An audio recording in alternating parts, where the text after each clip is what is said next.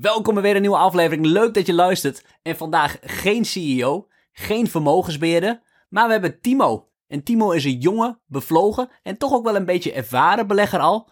En hij neemt ons mee op zijn reis. En wij, Barbara en ik, doen door middel van het stellen van vragen onderzoek naar zijn beleggingsstrategie en zijn overwegingen. En hopen hiermee jou te inspireren betere beleggingskeuzes te maken. Alles wat in deze aflevering besproken wordt is geen advies, is puur ter inspiratie. Denk zelf na voordat je een aandeel koopt. Dan gaan we nu naar de aflevering.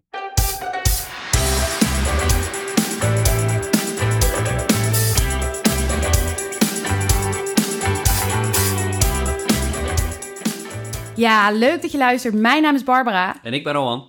Ja, en deze week hebben we een gast, namelijk Timo. Welkom Timo. Yes, dankjewel. Ontzettend leuk. Jij komt deze week je portefeuille met ons en de luisteraars delen. Klopt. Uh, vind het heel dapper van je dat je dat uh, durft te doen Ja, met de dankjewel. billen bloot. Ik vind het zelf ook heel gaaf. Ik ben eh, benieuwd wat jullie van mijn portfolio vinden en uiteraard straks ook de luisteraar. We gaan het, eh, we gaan het horen, denk ik. Ik, eh, ik, ben, heel- ik kijk heel erg uit naar ons gesprek en laten we er gelijk induiken. Leuk. Je hebt niks te melden, Rowan? Nee, ik net even gesproken, 24 jaar. 24 jaar, dan denk je, die is misschien net na corona begonnen met beleggen, maar je belegt al wat langer. Ja, klopt Rowan. Eigenlijk ben ik volgens mij vier, ik heb net even gecheckt, vier, vijf jaar geleden kocht ik mijn eerste aandelen. Toen was ik dus inderdaad wel aan het beleggen. Maar eigenlijk serieus beleggen deed ik denk ik net voor corona. En tijdens de corona-crisis ben ik tegen mezelf aangelopen op het gebied van beleggen, zeg maar. Toen kwam ik eh, in aanraking met eh, onder andere jouw podcast. En eh, ben ik het nog wat serieuzer gaan, nomen, ge- eh, gaan nemen. En heb ik er ook eh, ja, meer geld in geïnvesteerd. In plaats van het op de bank laten staan. Gaaf, nou ben ik wel benieuwd, hoe kom je überhaupt bij beleggen uit op zo'n jonge leeftijd? Ik, ik weet dus, mijn vader die was al een klein beetje mee bezig. Ik denk dat ik op een gegeven moment gewoon had van... op de bank krijg je natuurlijk helemaal geen rente. Ik werkte best wel veel. Dus ik had ook wel wat geld gespaard. Ik deed een BBL-opleiding. Dan werk je dus eh part-time, of bijna fulltime eigenlijk. En dan kom je erachter van, oké, ik krijg rente, 1% volgens mij, misschien nog wel minder. En dan denk je van, ja, dit schiet natuurlijk niet echt op, maar je, je hebt het wel behoorlijk gespaard natuurlijk. En vroeger kreeg je volgens mij gewoon 5% rente. Dus op dat moment dacht ik waarschijnlijk van, ik moet hier wat mee. En toen ben ik volgens mij mijn eerste aandelen gaan kopen. Ja, en waar ik wel benieuwd naar ben, je zegt, je hebt dus eh, gefeliciteerd met je eerste crisis die je al hebt meegemaakt. Nou zijn er veel mensen bang dat er binnenkort weer een crisis aankomt door die hoge beursstanden. Je zegt, toen liep ik wel een beetje tegen mezelf aan. Wat, wat bedoel je daarmee? Ik wist eigenlijk niet goed waar het uitzicht was. Zeg maar waar, waar, wanneer, hoe lang dit ging duren. Wat ik met mijn posities moest doen. Ik had aandelen waar ik dacht van dat ze geovergewaardeerd waren. Eh, maar dan kijk je eigenlijk puur naar de koerswinst. Als voorbeeld Nvidia, die had volgens mij toen een koerswinst van boven de 100. Ik zat nog in een mindset van wow, dat is al heel hoog. Dus dat kan nog heel veel vallen. Dus toen heb ik zeg maar die posities verkocht. In de mindset van dit kan nog veel verder vallen. Ja, goed, toen ging het natuurlijk omhoog. Toen ik van, hé, hoe kan dit nou? Hey, dit gaat nog hartstikke slecht. Die coronacrisis die, die is nog eens in volle gang. Ja. En eh, nou, op dat moment dan kom je achter dat je het nog niet helemaal begrijpt. Je was toen al Nvidia op het spoor. Je was eigenlijk een van de eerste op deze wereld die Nvidia had eh, ontdekt. Want ik weet niet of het sindsdien een keer 10 of keer 20 of keer 30 is. Nee, nee, dit, was in de coronacrisis, zeg maar, of daar net voor. Dus het was Oké, 2019, oké, oké, dus ik was niet een eerste ontdekker. Maar volgens mij zou die nu al wel een keer vijf zijn gegaan, dat denk ik wel. Ja. Ja. En waarom zit zoiets dan niet nu in je portefeuille? In het geval van Nvidia eh, doet dat toch een klein beetje pijn, denk ik. Eh, het is zeg maar lastig om, om te zien hoeveel rendement je daarmee hebt verloren. Je ziet het aandeel constant omhoog gaan. Eh, de waardering blijft ook hoog en dan is het lastig om opnieuw weer in te stappen, denk ik. Ja. Ja. Het. Ondanks dat het een geweldig bedrijf is. Ja, ja.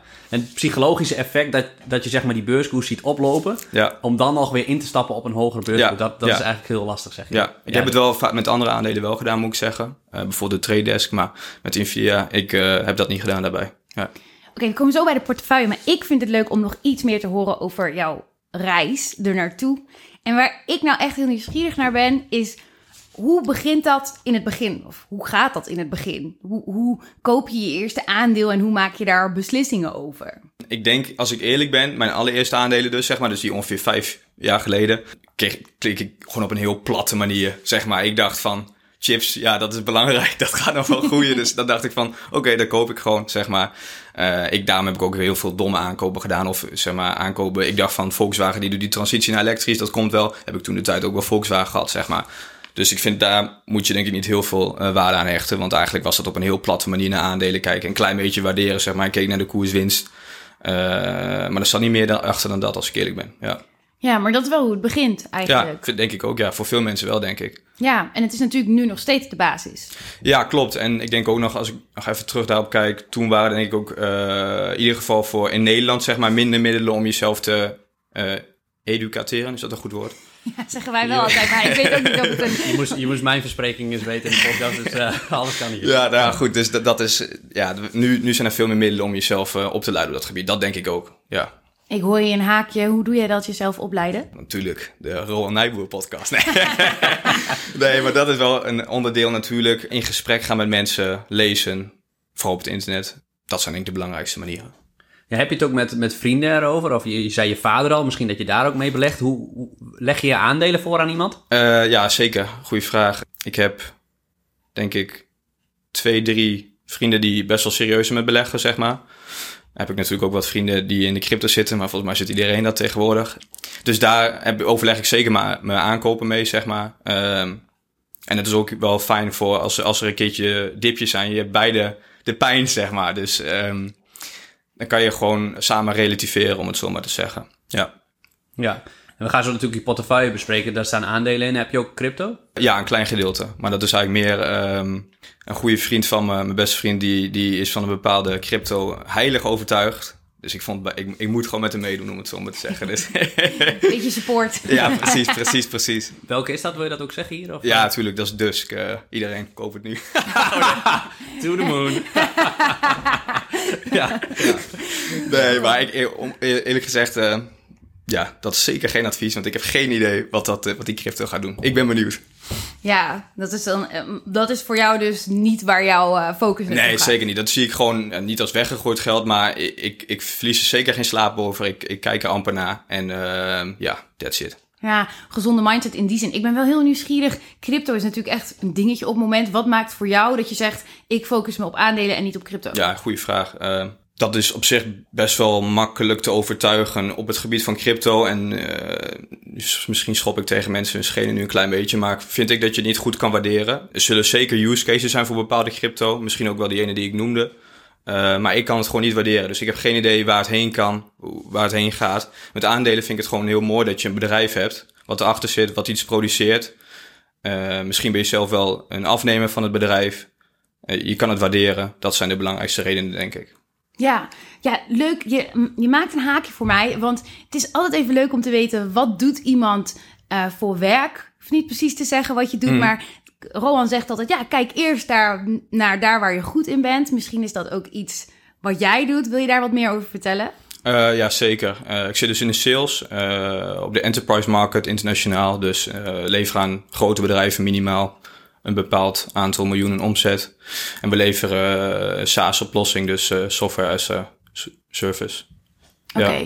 En is het aandelen en de aandelen die je selecteert... maak je ook gebruik van het werk dat je doet? Mm, nee, denk ik niet echt. Nee, nee. Is dat bewust? Of komt dat zo uit? Ehm, ja, ik, ik zit, dus- daar zit gewoon niet echt een overlap in. Ik begrijp het daardoor misschien eh verdienmodellen iets beter, dat misschien. Maar daar houdt het denk ik ook wel bij op. Ja. Ja, het is dus niet zo dat in de sector waar je werkt of de producten waar je mee werkt, dat dat potentiële interessante softwarebedrijven zijn op de beurs. Nee, wellicht in de toekomst, maar eh, nu zijn we nog niet zo ver. En eh, bijvoorbeeld de concurrenten ook niet, nee. En de bedrijven, onze klanten, sommige beursgenoteerd, die, dat zijn ook niet bedrijven eh, die helemaal bij mijn investeringsmanier passen. Helder. Laten we zo naar de portefeuille gaan, maar voordat we echt op de namen in gaan zoomen, wa- wat is je strategie? Hoe zou je dat omschrijven? Eh, mijn strategie, ja, die vraag was natuurlijk te verwachten. Ehm, ik, ik ben wel echt op zoek naar aandelen met een relatief eh, lage marketkapitalisatie, eh, lage market cap. Ehm, dus de snelle groeiers, de potentiële multibaggers. Ehm, en dan kom je al snel bij technologie en software uit, niet per se. Ja, dat is denk ik het belangrijkste onderdeel. En een lage marktkapitalisatie, wat, is dat dan een ondergrens voor jou? 5 miljard, 10 miljard of Ehm, een ondergrens of een bovengrens? een bovengrens? Ja, nou ja, tegenwoordig het, het, het rijst natuurlijk behoorlijk eh, de pan uit. Ja. Dus ik, zeg maar, ik denk dat het wel echt het hoogste... Kijk, er zullen een paar aandelen zijn die, die eh, een hoge marktkapitalisatie hebben. Maar eh 50 miljard is denk ik wel een bepaalde benchmark. En eigenlijk liever toch wel richting de 20, 10 of 30 eigenlijk. eh. ja. Jullie staan voor mij een stapje over. En dat is waarom kijk je naar die bedrijven met een lage market cap? Ja, dat zijn natuurlijk toch wel de, hopelijk de bedrijven van de toekomst, waar het natuurlijk uh, potentieel het meeste te halen valt, denk ik. Daar zitten die uh, snelle groeiers, ja. Dan denk je bijvoorbeeld, dit is de potentiële toekomstige Google of Amazon en daar ben ik misschien vroeg bij. Ja, ik denk niet meteen zo extreem, zeg maar. Dat zijn natuurlijk wel heel grote bedrijven. Maar uh, ik denk wel dat daar heel veel groei te halen valt. Ja, zeker. Helemaal als je kijkt hoe snel ontwikkeling momenteel op uh, technologie is. Ik denk ook dat als je kijkt naar de vorige podcast met uh, George van het Guardian Fund, die geeft ook wel heel mooie voorbeelden van, denk ik. En die, dat soort fondsen zitten vooral bij dat soort bedrijven. Ja, nou weet ik er veel minder van dan Roan. Maar wat de vraag die het bij mij oproept is... wat ik dan van Roan begrijp, zitten daar ook wel meer risico's aan. Want je weet in zekere zin niet welke van die de toekomst echt ingaan... en welke daarvan gewoon keihard floppen. Dus daar zit zeker iets in jouw strategie. Want ik neem niet aan dat jij je geld klakkeloos aan het inzetten bent... en denkt, we zien wel waar het heen gaat. Nee, nee zeker niet. Nou kijk, sowieso heb je natuurlijk spreiding. Dus je hebt meerdere bedrijven. Uh, ik denk ook ik bedoel, ik weet eigenlijk zeker dat van mijn 15 bedrijven, volgens mij heb ik 15 bedrijven in portfolio, dat ze niet allemaal successen gaan worden. Dat is een risico wat je neemt. Stel je dan ook een eis aan de fase waarin ze zitten? Dat je bijvoorbeeld zegt van ja, de echte Ja, beginner... zeker. Ja, ik, ik, wil wel zeg maar echt... Ik, ik, ik ga niet in een uh, bedrijf investeren wat nog maar een miljoen omzet draait.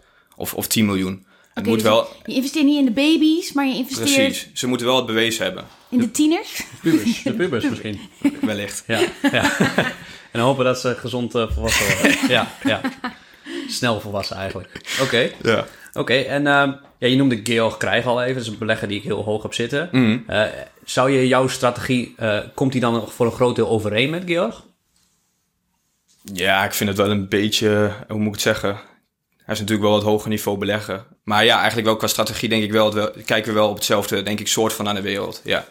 Ja. Maar ik wil nog even vragen. Je kijkt vast niet alleen naar een lage mark market cap. Nee. Je kijkt vast nog naar andere elementen voordat die in jouw uh, portefeuille Zeker. mag. Ja. Misschien kan je nog toelichten wat voor elementen je nog meer naar kijkt. Tuurlijk, tuurlijk. Nou, er zijn een paar heel belangrijke punten die ook heel vaak hier genoemd zijn. Ten eerste management, uh, omzetgroei. Misschien wel, kijk ik misschien wel te veel naar. Uh, een stukje waardering natuurlijk. Ja, en natuurlijk het bedrijf zelf, de concurrentie en, en wat doet het bedrijf? Zeg maar, waar gaat het heen met de wereld en welke rol gaan hun daarin spelen? Ja, ja mooi. Ja, management noem je veel bedrijven met een founder, denk ik, ook aan het roer. Ja, volgens mij, uh, ik denk van mijn portfolio 80% uh, uit mijn hoofd. En uh, de bedrijven die geen founder hebben, die niet founder-led zijn, laat ik het zo zeggen, uh, heb ik nog steeds vertrouwen in het management. Oké. Okay. Om bepaalde factoren. Oké. Okay. En wat, wat is voor jou een, een snelle groeien? Waar hanteer je die definitie aan? Je noemde het uh, market cap, maar als je naar een ander financieel criterium zoals de omzetgroei moet kijken, ja. heb, je daar, heb je daar een bepaald percentage? Of, ja. uh, nou, een ondergrens wil ik niet zeggen. Maar toen ik de meeste bedrijven in mijn portfolio kocht, hadden ze wel een omzetgroei volgens mij van tussen de 30 en uh, 30 plus procent, zeg maar. Ja. Oké, okay. heel interessant.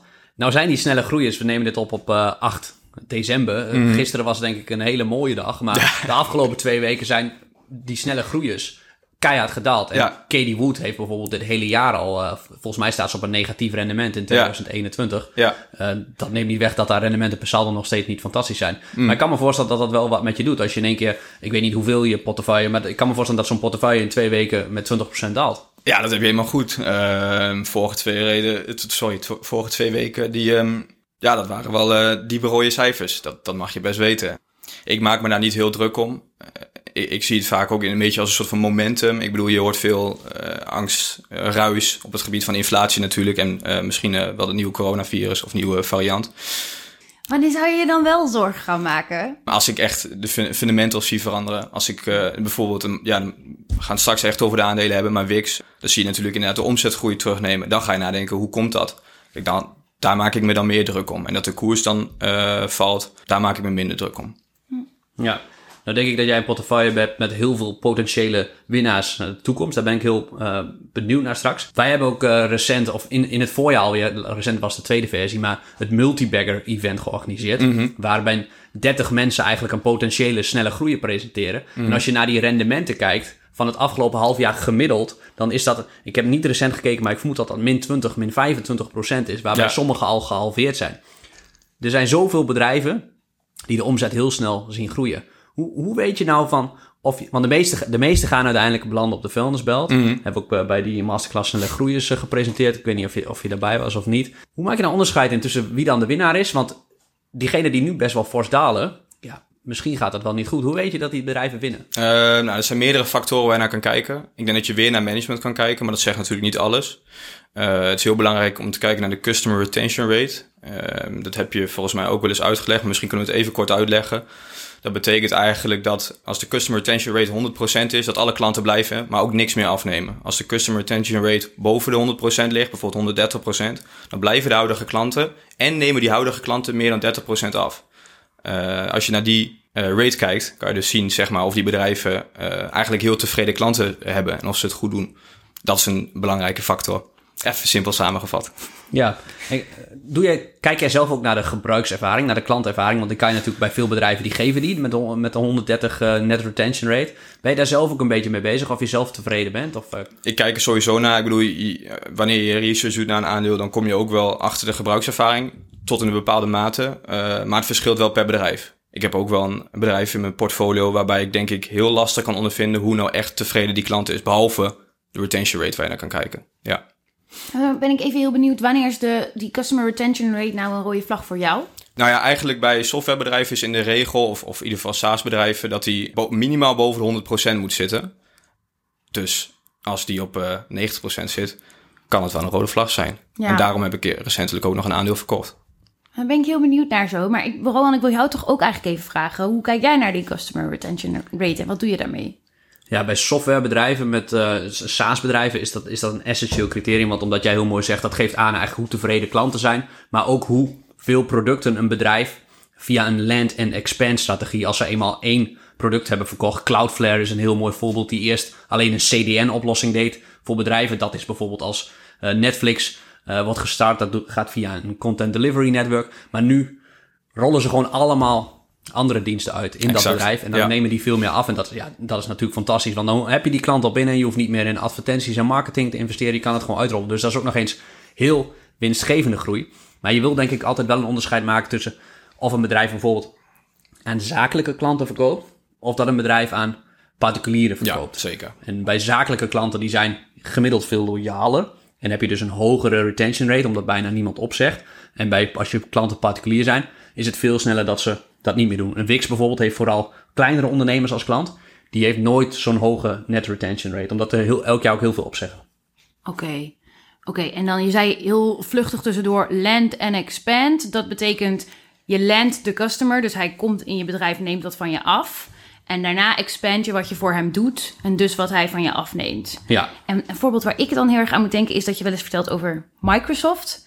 Zo van, die zit al op alle computers met zijn uh, Windows en zijn Word en zo. En omdat ze al een voet tussen de deur hebben, kunnen ze vaak redelijk makkelijk die expand en dan zeker zakelijk doen, waarbij je ze, ze je meer gaan verkopen. Zeg ik dat dan goed? Ja, dat is een hele winnende strategie als je in zulke bedrijven kan beleggen. Oké, okay, land en expand.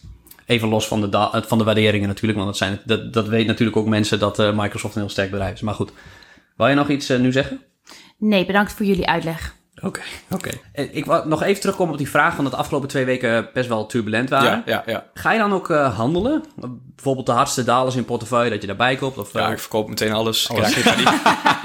nee, um, ik kijk vooral van welke bedrijven heb ik echt een heel hoge, hoe zeg je dat, conviction, overtuiging van dat het echt een succes gaat worden. Kijk natuurlijk naar de waardering en dan koop ik vaak bij. Ik heb ook zeker in de afgelopen twee weken wel wat aandelen bijgekocht, ja. Oké, okay, ik vind dat het echt tijd is voor de overstap naar de portefeuille. Wat vind jij, Rowan? Nou, ik ben nog wel naar één ik benieuwd. Je waardeert, zeg je ook. Hoe ga je dan, want veel bedrijven in portefeuille maken nog geen winst. Mm. Hoe waardeer je die? Uh, de, waar ik het meest naar kijk is toch de price to sales. En dan in vergelijking met de, de, de omzetgroei, zeg maar. Dus als een bedrijf heel veel qua omzetgroei, laten we zeggen 50%, dan wil ik daar wel meer voor betalen qua price sales. Dus prijs van het aandeel in vergelijking met de omzet. Prijs is de beurskoers. Prijs, ja, inderdaad, ja. Ja. Oké. Okay. Oké. En je werkt niet met scenario-analyses, want dat is voor mij heel waardevol. Nee. Okay. En dat is denk ik ook gewoon een, een punt wat ik denk als je daar goed in bent, dat je, dat, dat gewoon eigenlijk misschien wel een, een must is. Maar um, ik weet dat niet of dat met motivatie of tijd heeft te maken. Ik denk toch vooral met tijd. Ik, ik werk fulltime en zo'n scenario-analyse vind ik nog best wel lastig en er zit best wel veel tijd in. Dus dat zou zeker een verbeterpunt van mijn uh, uh, strategie en, en manier van beleggen kunnen zijn. Oké, okay. nee, heel, heel begrijpelijk. Daar wil ik je graag uh, st straks misschien even na de tijd mee helpen. Um, zullen we naar portefeuille gaan? Ja, en dan, mm, nou ja, voordat we echt vol die portefeuille ingaan, ben ik benieuwd. Je hebt nu al genoemd dat je recent een hebt verkocht vanwege volgens mij die customer retention rate. En je zei net, ik heb er al een aantal bij gekocht, dus vertel. Ehm, het aandeel wat ik verkocht heb is eh, Fastly. Ehm, die zitten in dezelfde space als Cloudflare voor een, voor een deel. Die eh, doen eh, CDN, ehm, Cloud Delivery Network. Wat betekent eigenlijk dat websites sneller kunnen laden omdat ze databases op verschillende plekken in de wereld hebben. Dus dat is dichterbij, minder bandbreedte. Ja, ja, dus als jij iets Amerikaans opent, dan hebben zij ergens hier dichterbij, misschien wel in Nederland exact, of in Ierland. Exact. Misschien is er iemand die de luistert die denkt van, dat klopt niet helemaal, maar zover ik weet is dat de technische eh, eh, betekenis daarvan eh, en hoe dat werkt. En waarom ik die verkocht heb is twee redenen. Ten eerste, het was een snelle groeien. Eh, nou ja, hij groeide niet meer. Dus dat is natuurlijk sowieso een rode vlag, denk ik. Eh, volgens mij liep de omzet terug. In, in de coronatijdperk hebben ze het heel goed gedaan. Toen groeide de omzet volgens mij ook op een gegeven moment met... ja, ik weet niet uit mijn hoofd precies, 60 tot 100 procent. En daarnaast de customer retention rate. Dus de klanten, dat, dat ging naar volgens mij 90 procent. Ja, dan zie je dus dat één, eigenlijk de klant soort van niet tevreden is. En de omzet die loopt terug.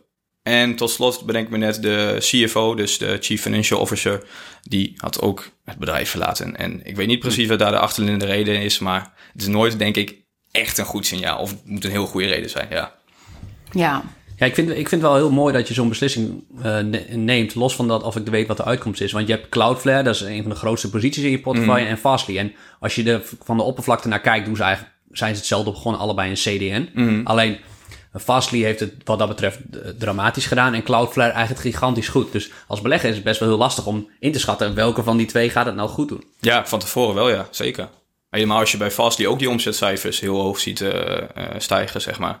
En wat, wat ik dan vaak zie bij beleggers is, oh, Fastly daalt. Ga ik juist daarin bijkopen, want die is goedkoper. Ja. Maar jij kiest eigenlijk een soort van de aanval. Je zegt juist, ik neem een verlies. Ik weet niet of, of, het, of, of het op een, een verliespositie was. Maar ik, ik, ik hou mijn winnaar vast, mijn Cloudflare. Ja, klopt inderdaad. Ja, dat komt dan eigenlijk inderdaad door die onderbouwing die ik net gaf. Moet ik zeggen dat ik nog een soort van met Fastly ook wel een beetje geluk heb gehad. In de zin van, daar heb ik in de eerste instantie ook nog wat winst mee gehad. Dus dat was niet heel pijnlijk om afscheid te nemen, om het zo maar te zeggen. Eh, maar ja, soms moet je wel gewoon afscheid nemen, ook van je verliezers. ja. Mooi. Dan ben ik wel heel benieuwd, als we het dan hebben over spreiding, Mhm. dan is hun Cloudflare en Fastly in je portefeuille hebben, zou je kunnen zien als nou, die dag spreiding. Ja, mee eens. Ik weet niet of ik daar een goed antwoord op heb.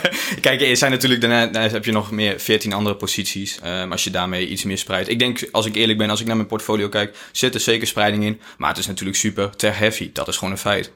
Ja, nou ja, ik vind het persoonlijk niet per se slecht. Ik denk dan, je hebt gewoon bij beide afgewacht wat eruit kwam en hoe het ging. En je hebt ook onmiddellijk gehandeld toen je zag, oké, dit neigt in ieder geval bij die niet meer naar de goede route.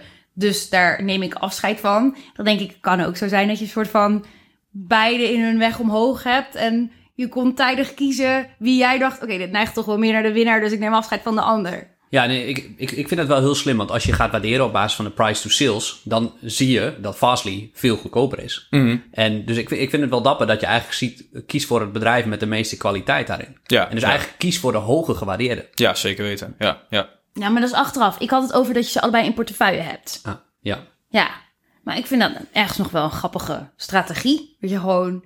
Dat je gewoon twee bedrijven in eigenlijk precies dezelfde sector... wat trouwens gedeeltelijk waar is, maar dat je die inderdaad hebt. Ja, dat kan ik wel begrijpen inderdaad. Het was natuurlijk ook een sector die wel groeide, denk ik. Ja, zeker Dus er was weten. ruimte voor allebei ook. Ja, ja. Ja, daar wil ik nog wel wat over zeggen. Want dan kun je denken van de twee beursgenoteerde bedrijven op CDN-gebied. Dat zijn Cloudflare en Fastly. Maar CDN is qua service is wel echt een commodity. Eh, de TikTokjes van deze wereld, die eerst Fastly-klant worden. Die, die zijn soms zo groot dat ze de CDN zelf gaan doen. Ah, dan kunnen ze dat zelf eh, betalen, soort van. Ja, en, en er zijn heel veel concurrenten. Want het is, Ja. uiteindelijk is de toetredingsdrempel niet zo heel hoog. Eh, De, de AWS en de Azure zullen ongetwijfeld ook van zulke diensten Klopt, hebben. Dus er is best, best veel concurrentie. Dus om nou samen de sector te kiezen en denk dat je dan profiteert van die groei, dat kan ook heel gevaarlijk zijn. Ja, Oké, bedankt voor de uitleg. Oké, zullen we naar portefeuille gaan? Ja. ja let's go. Ik noem ze even op, de namen in volgorde van groot naar klein voor de luisteraar thuis ook. De Trade Desk en Cloudflare, allebei 13% weging. Steken daar eigenlijk met kop en schouders een beetje boven de rest uit qua weging. Dan komt de Etsy, Perion Network, allebei met 9 en 8%. En dan een heel rijtje met 6%. Dat zijn Alphen, Solar Edge Technologies, Montclair, dat is van de kleding. eh, Shopify, cm.com, CrowdStrike, Wix, Fiverr, Pinterest. Allemaal in 6 à 5 procent. En nog twee posities met 4 procent, Zynga en Alibaba. En een hele kleine verwaarloosbare cashpositie op uh, de beleggersrekening in ieder geval. Yes, yes. Ja, mooie bekende namen. Ik kan me voorstellen dat de luisteraars het niet allemaal kent. Maar uh, we gaan ze ook niet allemaal nu behandelen. We geven geen advies natuurlijk. Jij geeft geen advies. Wij geven geen advies. Iets wat me gelijk opvalt is dat best wel veel bedrijven platformbedrijven zijn die profiteren van netwerkeffecten. Dan noem ik een Etsy, een Pinterest, een Fiverr, Ja. misschien een Zynga een beetje. In ieder geval dat er gebruikers zijn. Het, het spel wordt waardevoller naarmate er meer gebruikers zijn. Is, Ja. is dat een bewuste keuze?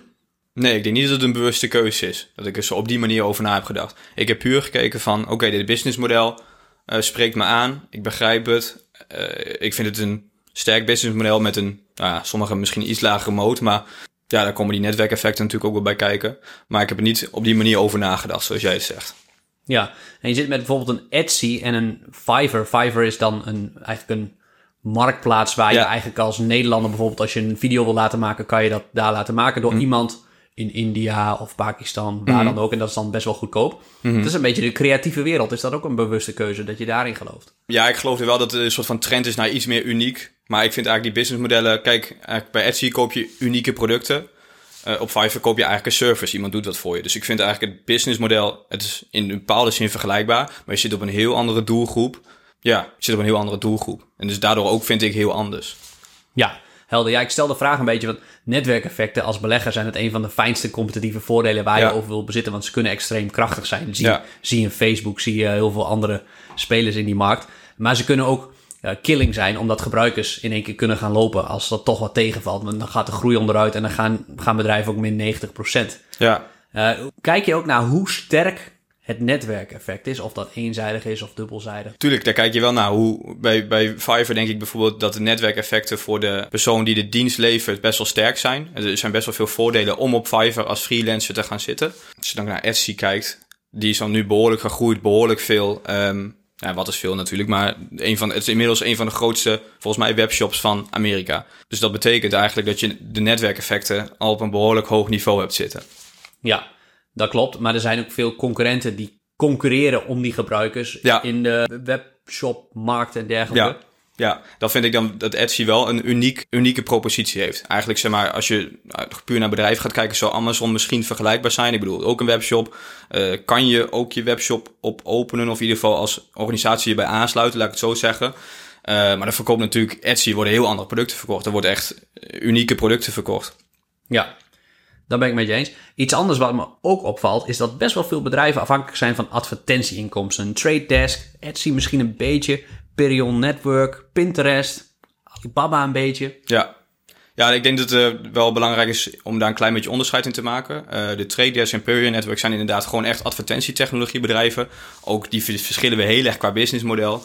Eh, de Trade Desk is eigenlijk een soort van platform waar zowel de aanbieders als de afnemers op zitten. En die worden naar elkaar toegebracht. Dus Google en jij kunnen via de Trade Desk aan elkaar worden toegebracht. Nou, vaker toch iets grotere organisaties. Maar eh, je vroeg natuurlijk de advertentie, eh, eh, in hoeverre daar die overlap in zit. Kan je de vraag even halen? Ja, of, of je daar niet een te hoge concentratie misschien voor je gevoel in hebt. Ja, nou dat moet eerlijk zeggen. Ik denk dat de Trade Desk en eh Perion dan wel echt een bepaalde overlap hebben. Wat echt hetzelfde businessmodel zit.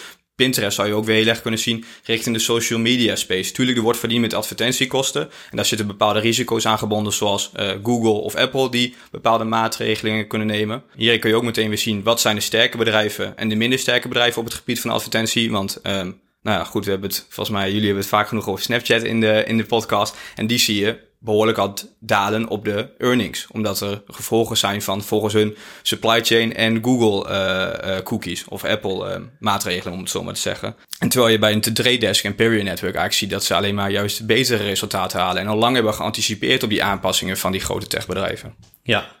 Ja, dus wat er recent bij Snapchat gebeurde is dat Apple aan zijn privacy settings gaat draaien, waardoor Snapchat eigenlijk halveert, omdat die hele groei van Snapchat, Snapchat is geen eigenaar van hun eigen data, dus die kunnen veel minder gericht, of adverteerders kunnen daar nu veel minder gericht adverteren. Ja, dat, is- dat is best wel iets technisch, waar je als belegger, eh, waar, waar ik zelf eh, geen zicht op had. Ja, ik, ik, ja. ik wist niet dat dat precies zo werkt, ik ga me daarin verdiepen en ik leer dat dan. Maar ik kan me voorstellen, als je dan best wel veel advertentiebedrijven in je portefeuille hebt, dat je van zoiets dan ook wel even schrikt, dat je denkt van, wow, krijg ik ook een Snapchatje via de trade desk of zo. Ja, dat is wel grappig dat je dat zegt. Want eigenlijk zag je gewoon heel erg in de koers van al die advertentiebedrijven, de trade desk, die zag je gewoon toen Snapchat viel. En uh, volgens mij nog andere advertentiebedrijven zoals Magnite, die zag je vallen. En die van Trade Desk, die viel dus ook. Maar toen kwamen de earnings, die waren geweldig. En dan gaat het zo weer, veert het juist heel erg omhoog. Ja, en dan is het ook denk ik afwachten wat de CEO zegt. Van, er komt natuurlijk een vraag van een analist in zo'n conference call. Ik weet niet of je dat terugleest. Ja, zeker. En, en dan willen beleggers natuurlijk die geruststelling van... worden wij ook geraakt? Ja. En dan blijkt dat bij Trade Desk dus heel erg mee te vallen. Precies, ja. Maar eigenlijk hoorde je in de... Uh, dat wist ik wel, dat ze in de eerdere earnings call... hebben ze het eigenlijk ook al over die aanpassingen. In dit geval dan vooral de cookies van Google... wat natuurlijk ook een behoorlijke verandering uh, met zich meebrengt. Daar hadden ze al lang op geanticipeerd.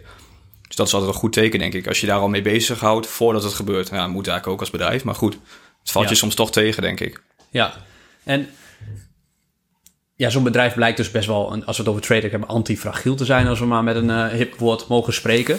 Maar voor de tijd, kijk, ik wist dat niet. Ik kan me voorstellen dat jij dat ook niet wist. Dat ze gevoelig waren voor die Apple shift in uh, advertenties. Dus hoe ga je eigenlijk om? Althans, ik, ik ken niemand in mijn omgeving die, die dat precies wist of die Apple-verandering in privacy settings voor welk bedrijf dat effect zou hebben.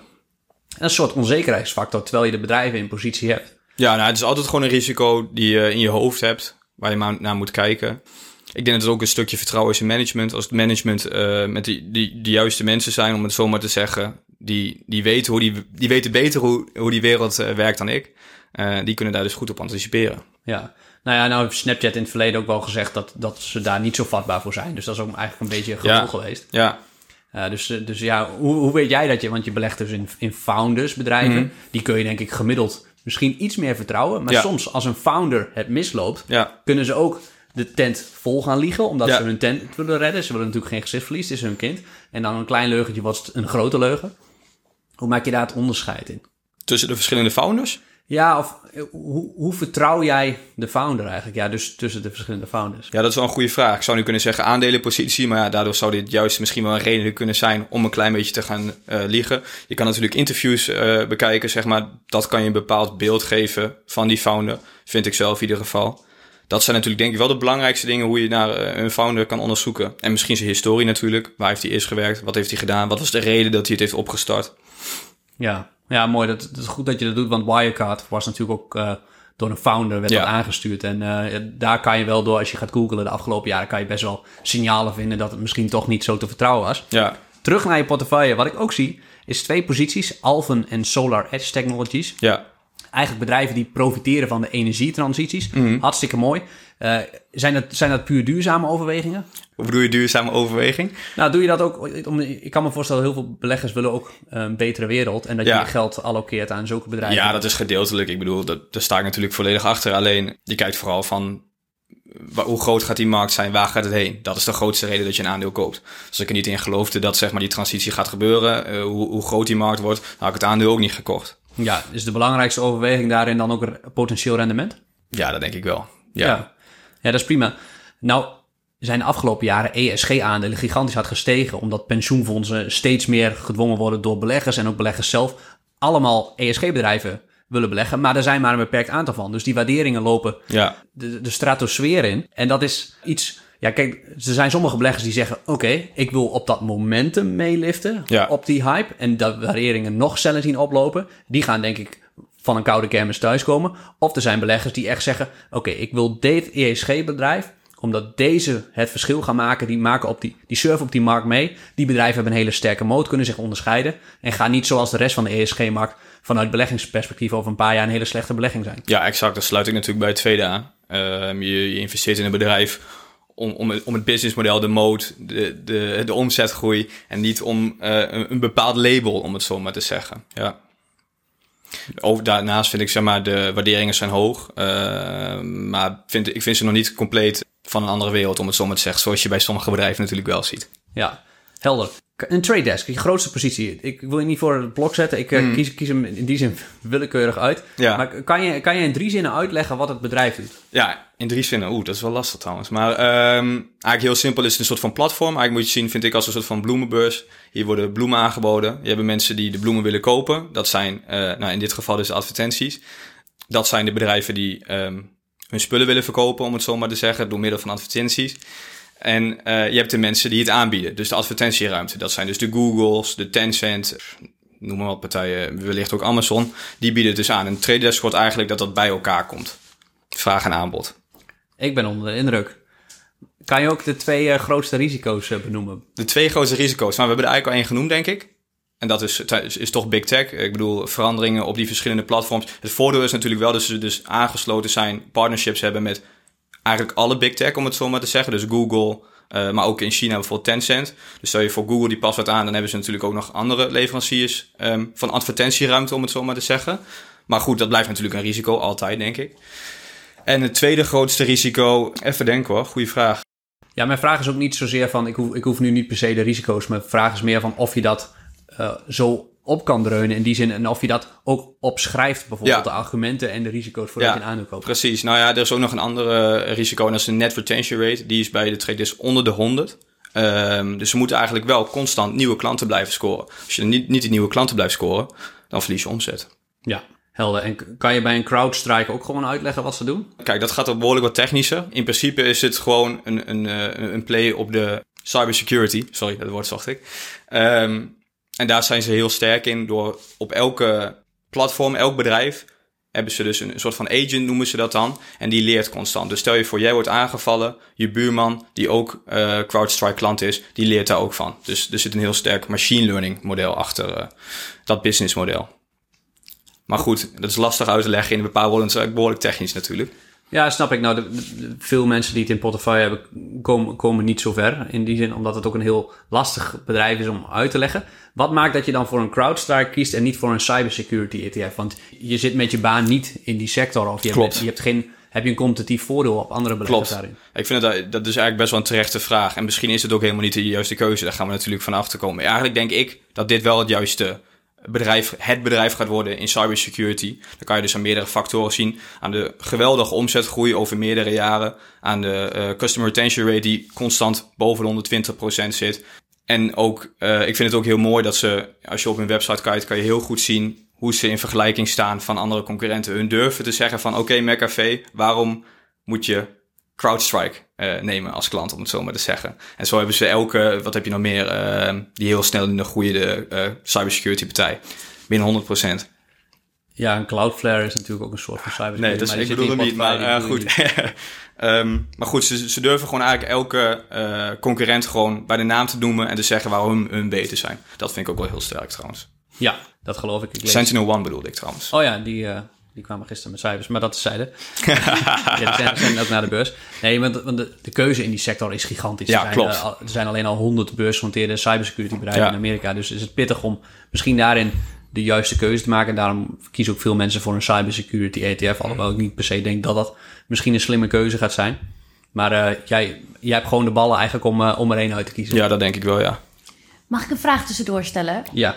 Um, ik hoor Timo jou veel praten over de omzetgroei, daar kijk je heel erg naar. Ja. Dat past ook bij de snelle groeiers Zeker. die je in portefeuille hebt. Um, Rowan, zie jij daar nog een gevaar in om heel erg gefocust te zijn op de omzetgroei in dit soort situaties? Of is dat ook inderdaad het beste wat je dan kan doen?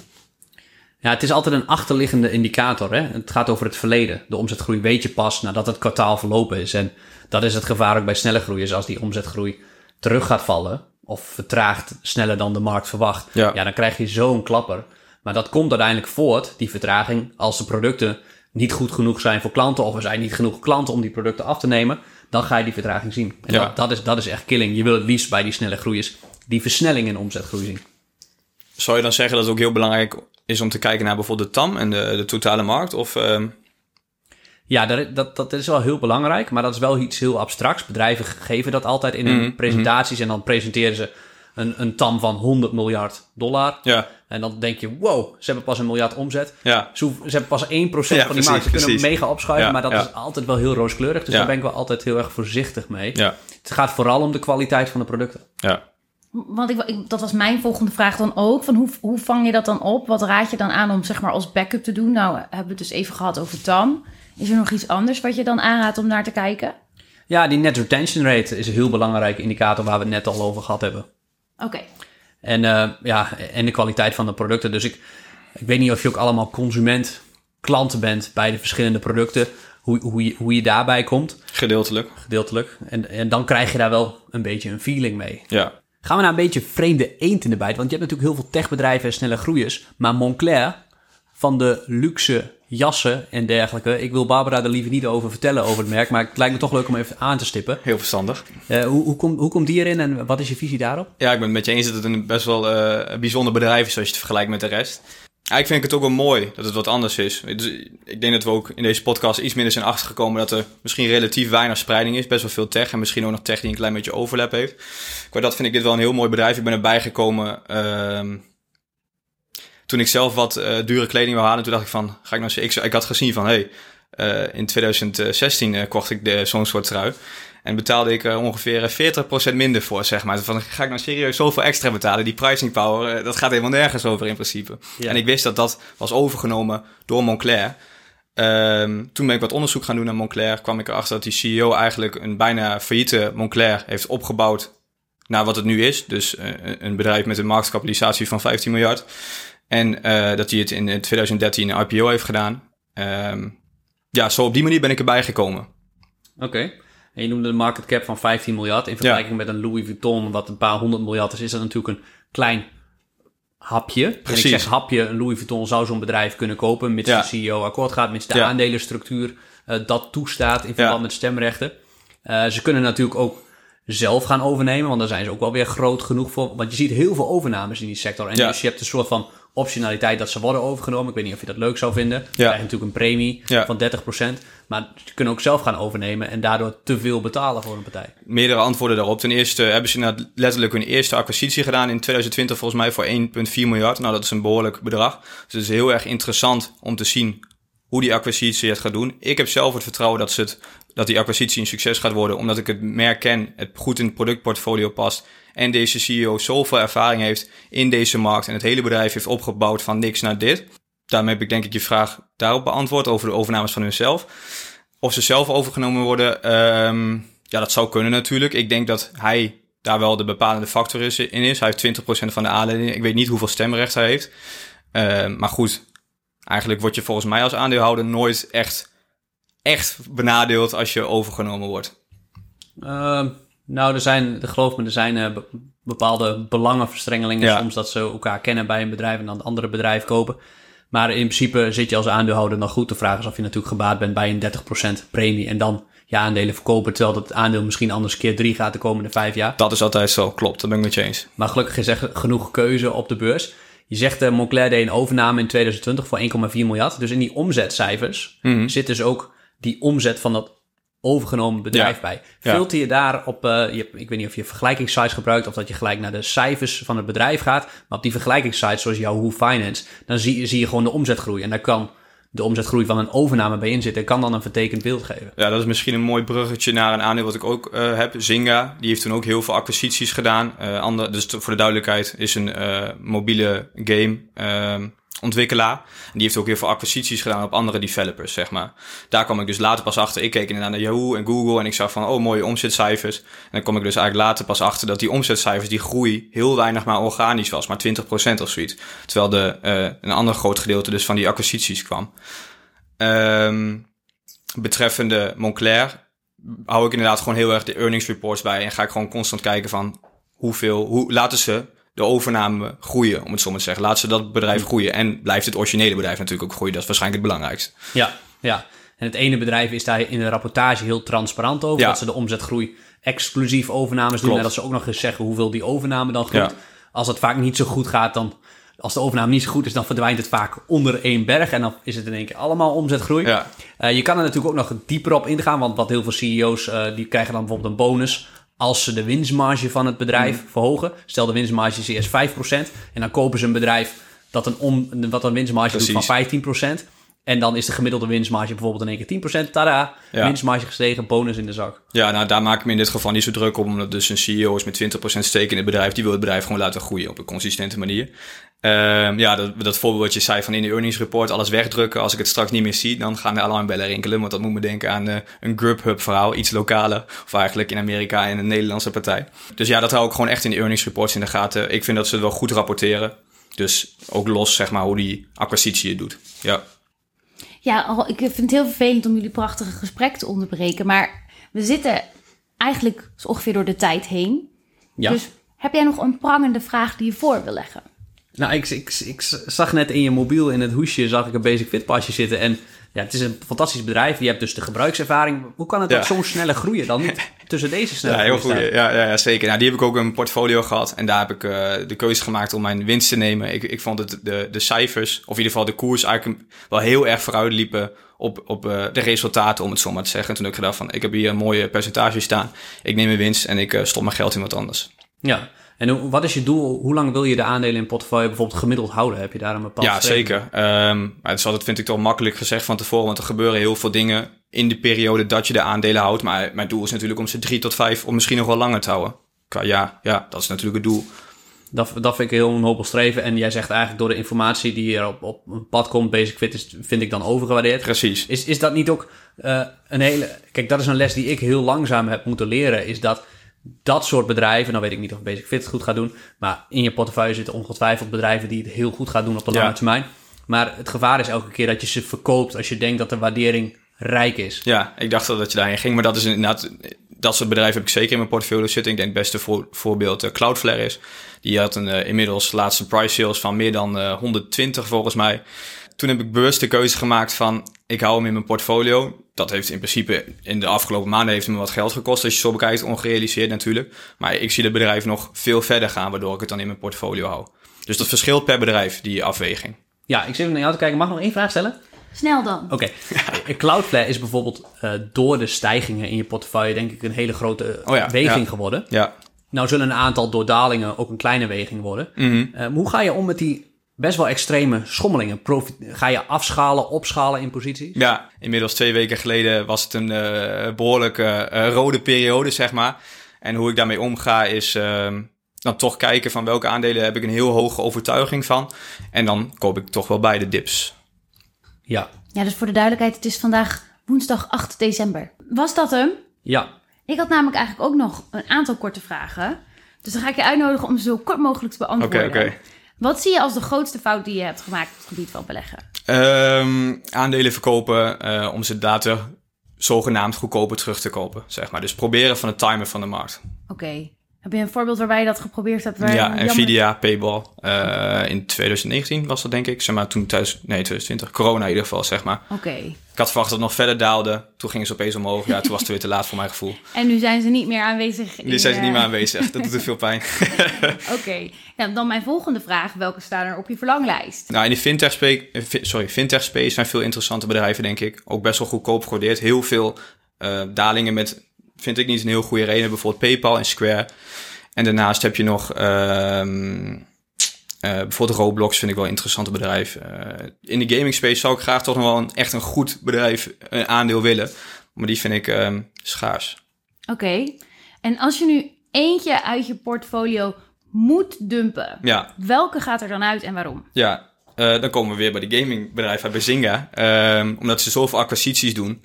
En ik twijfel of ze die organische groei wel eh, door kunnen zetten. Dat, dat laat me wel twijfelen, ja. Oké. Oké, leuk. Ja. Ik heb geen vragen meer. Heb je regels in je portefeuille qua weging? Je grootste positie is 13%, de kleinste is 4%. Dus je hebt niet hele kleine posities. Nee. soms zie die of het nou goed gaan doen Nee, of niet, goed, klopt. of niet gaan bijdragen. Maar je gaat over de jaren natuurlijk mega verschuivingen zien als je ja, niks doet. het is ook een beetje zo natuurlijk, ja. Nou, ik begin sowieso wel altijd met de positie van 5%. Want ik heb gemerkt, als je van die kleine posities... dan schiet je eigenlijk niks meer op naar mijn gevoel. Ehm, als ze winnen, dan heeft dat geen effect. En als ze verliezen, heeft het ook niet zoveel effect. Of ze moeten heel erg winnen. En dan baal je waarschijnlijk dat je niet meer hebt gekocht. En qua eh, maximum, wat bedoelde je natuurlijk na als maximum aantal ehm, percentage in je portfolio, denk ik dat ik die niet heb. Het liefst, eh, maar als het zover is, moeten we maar zien of ik de bal heb, zeg maar, om een, een bedrijf wat 30% van mijn portfolio heeft, om dat vast te houden. Ik bedoel, als je kijkt naar eh, Warren Buffett, die heeft ook meer dan 50% in Apple zitten volgens mij. En die houdt dat ook lekker vol. Ja, want als je tien jaar lang niks aan jouw portefeuille zou doen, is het kans dat één positie 90% van de Ja, weging uitmaakt. Klopt, ben ik met je eens. Ja, dat is zo. Ja, dat is wel een extra. Dan ga ik waarschijnlijk wel twijfelen, dat bedoel ik. Ja, maar dat is het mooie aan beleggen. ja, ja. Ik, wil- ik wil je eigenlijk heel erg bedanken. Ja, ik ook. Ik vond het leuk dat je er was, Timo. En bedankt dat we zo'n inkijkje mochten in jouw portefeuille. Ja, ik vond het ook leuk, leerzaam. En ik hoop dat andere mensen ook eh, een klein beetje ervan kunnen leren van mijn fouten. En eh, Dat weet ik wel zeker. Dankjewel. Dat was het voor deze week. Bedankt voor het luisteren. En dan hoor je ons volgende week weer. Zeker, graag tot de volgende week. Doei doei.